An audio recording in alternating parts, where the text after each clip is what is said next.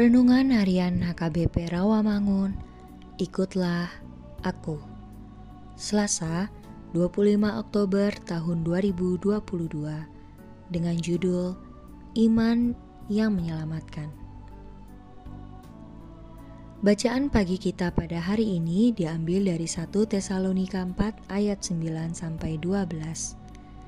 Bacaan malam kita pada hari ini diambil dari Galatia 4 ayat 8 sampai 20.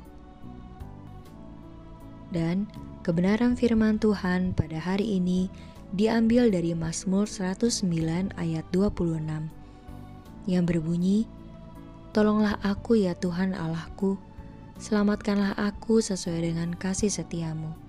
Demikianlah firman Tuhan.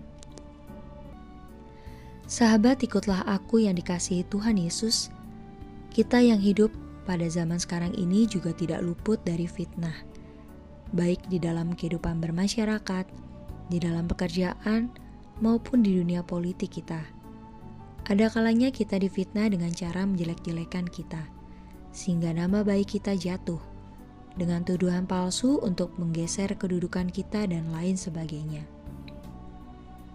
Kita pun boleh yakin dan percaya bahwa Allah berdiri di sebelah kanan orang miskin dan sengsara untuk melepaskannya. Allah dapat memecahkan lingkaran setan dengan mengubah tuduhan dan kutuk menjadi berkat.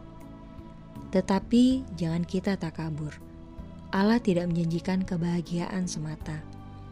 Kita adalah pengikut Yesus yang menanggung fitnah di kayu salib dan kemudian dibangkitkan.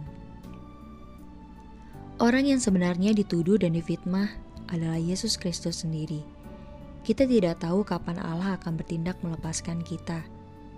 Kita menantikan sukacita itu dan mohon agar lawan menyerahkan diri kepada Tuhan. Hanya apabila kita juga malu di hadapannya, kita menjadi sadar dan bertobat.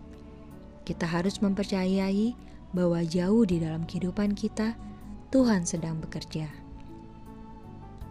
Jangan memakai perasaan bila ingin melihat tangan Tuhan bekerja tetapi pakailah iman. Pastikan hari ini adalah hari yang penuh dengan anugerah bagi kita, bahwa hidupnya sendiri saja diberikan untuk kita. Apakah yang lain dia tidak akan lakukan? Tetaplah semangat dan kuat di dalam Tuhan. Amin. Marilah kita berdoa. Tuhan Yesus ingatkan kami agar kami menjadi berkat serta sukacita bagi kami serta kemuliaan bagi namamu. Amin.